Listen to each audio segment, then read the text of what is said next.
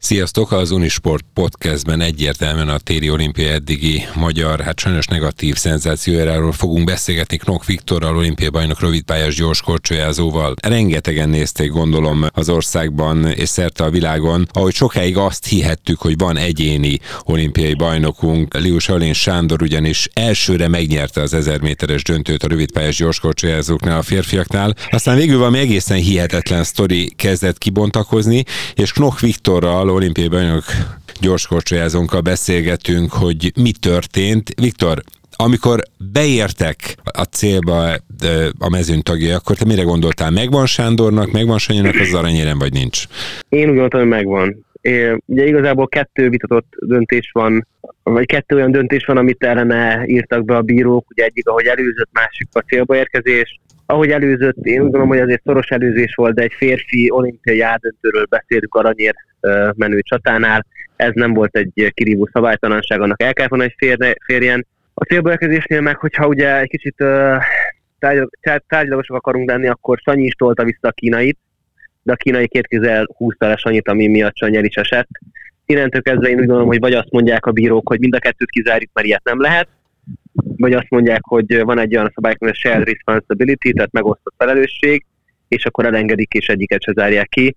De most az, hogy egy olimpiai döntőbe ezért Sanyi egy sárlapot kapott, én, én felháborítónak tartom, nagyon-nagyon sajnálom, én szerintem nem egy jó döntés, és az én szememben Sanyi megnyerte ezt a döntőt, Sanyi olimpiai bajnok 1000 méteren 2022 Pekingbe. Ugye azt nyilatkozta Liu Shaoanga a döntőt követően, mert hogy ő végül is bronzérmes lett, elvileg ő nem lett volna érmes, de itt a, a döntés után ő bronzérmes lett, egy aranyat elvesztettünk, egy bronzérmet megnyertünk. Testvérekről van szó, hogy próbálok diplomatikusan fogalmazni és higgadt maradni.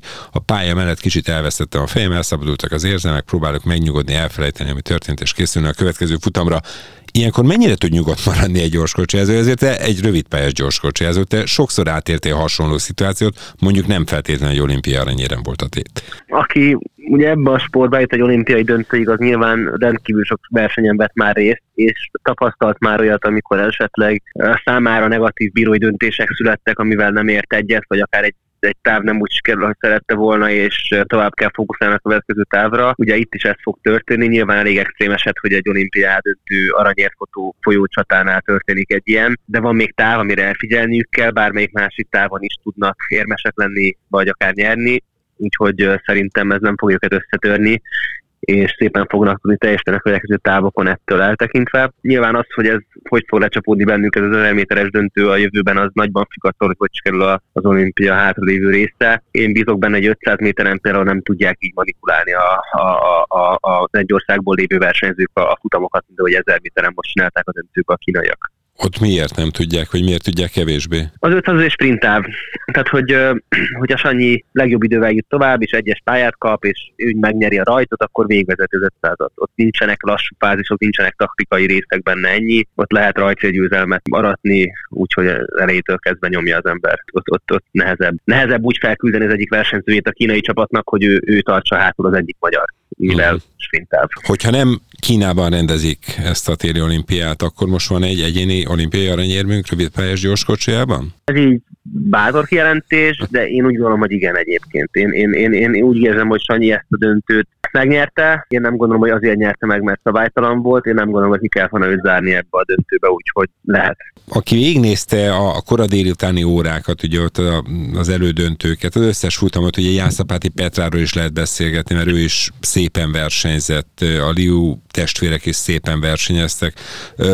Azt láttam, és azt látta mindenki, hogy azért nagyon-nagyon sok az utólagos döntés, és nagyon sok a leállás, egy picit szétveri a, a sportágat, a sportéményt. Ez mindig így van, vagy csak a tét miatt volt így? Ez változó. Én úgy gondolom, hogy nem a tét miatt van több döntés, hanem a tét miatt mennek bele egyébként a versenyzők több kétes esetben. Tehát egy olimpián, amikor félkör van vissza, és az emberek egyet kell továbbító helyére, akkor megpróbálja többször, mint egyébként egy világkupán tenni, mert veszélyes de az olimpián többen kockáztatnak, és ezért van azért az, hogy egy picit több az esés, több a kizárás. Hát igen, de, de, de azért volt már ezzel ebből gond az előző olimpiákon is sajnos. Azért, hogy az öröm hírrel is foglalkozunk, Liu Shaoang az első olyan magyar sportoló, aki téri olimpián minimum három érmet szerzett, mert még nincs vége az olimpiának. Ugye négy évvel ezelőtt ott volt abban a váltóban, amivel te is aranyérmes lettél, és néhány nappal ezelőtt pedig a bronzérmes volt a mixben, most pedig sikerült egyéni bronzérmet szereznie.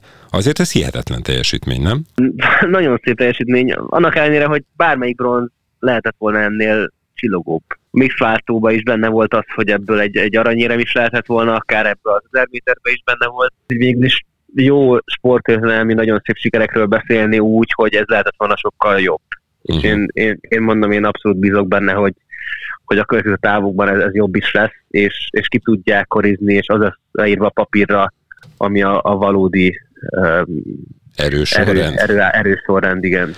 Hol van még éremesélyünk, mely számokban, hogy látod? A legkomolyabb éremesélyünk 500 méteren lesz szerintem, és a férfi váltóba. 1500 méteren is voltak világkupa érmek, világkupa sikerek, egy picit ritkábban, mint 500-on meg ezren.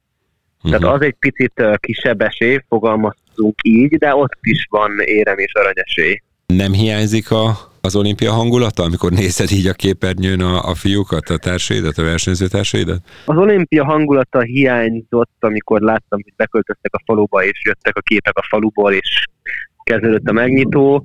Maga a verseny, látva azt, hogy azért milyen stressz van ott az összes versenyzőben, az összesben van, lehet látni bemutatásnál is, milyen döntések születnek, így, így most nem hiányzik azt, hogy én ott versenyezzek, megmondom őszintén.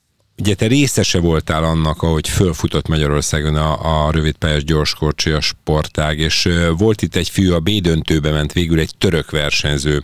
És arra gondoltam, hogy lehet, hogy mondjuk egy versenyző egy jó eredmény elindít egy országban, mondjuk egy akkor országban is egy sportág, mert Magyarországon is valahogy úgy kezdődött, hogy elkezdtek jó eredmények jönni, és aztán arra fölépült egy komoly menedzsmenttel egy, egy, egy sportág, vagy rosszul látom, nem így volt? Um, hasonlóan van, nyilván ehhez azért uh, több körülménynek egyeznie kell, hogy erre a szintre eljuthasson egy, egy, egy sportszövetség, ahol a jelenleg a Magyarország Sportszövetség tart. Uh, nekünk kellett például a kormány támogatása 2012-től, hogy bekerültünk egy kiemelten támogatott program, mert anélkül uh, megvalósíthatatlan lett volna ez a fajta eredmény. Um, de nyilván el tud indítani ez valamit, és hogy azzal utána a szövetség és maga az ország mit kezd, az már, az már döntések kérdése. Tehát, hogy itt sok mindennek össze kell jönnie ahhoz, hogy kijöjjenek, kifussanak ilyen eredmények. Ugye kell egyrészt a tehetség, mert azért egy nagyon tehetséges generációról is van szó, nem? Persze, természetesen. Tehát láthatjuk, hogy van ez a török fiú, aki valamennyi szerencsével, de elég előkelő helyen tudott végezni az olimpián, de ő nem egy rossz kor is. Ő azért egy 25-öknél ott volt a versenyben, 1000 méteren, az nem egy rossz idő.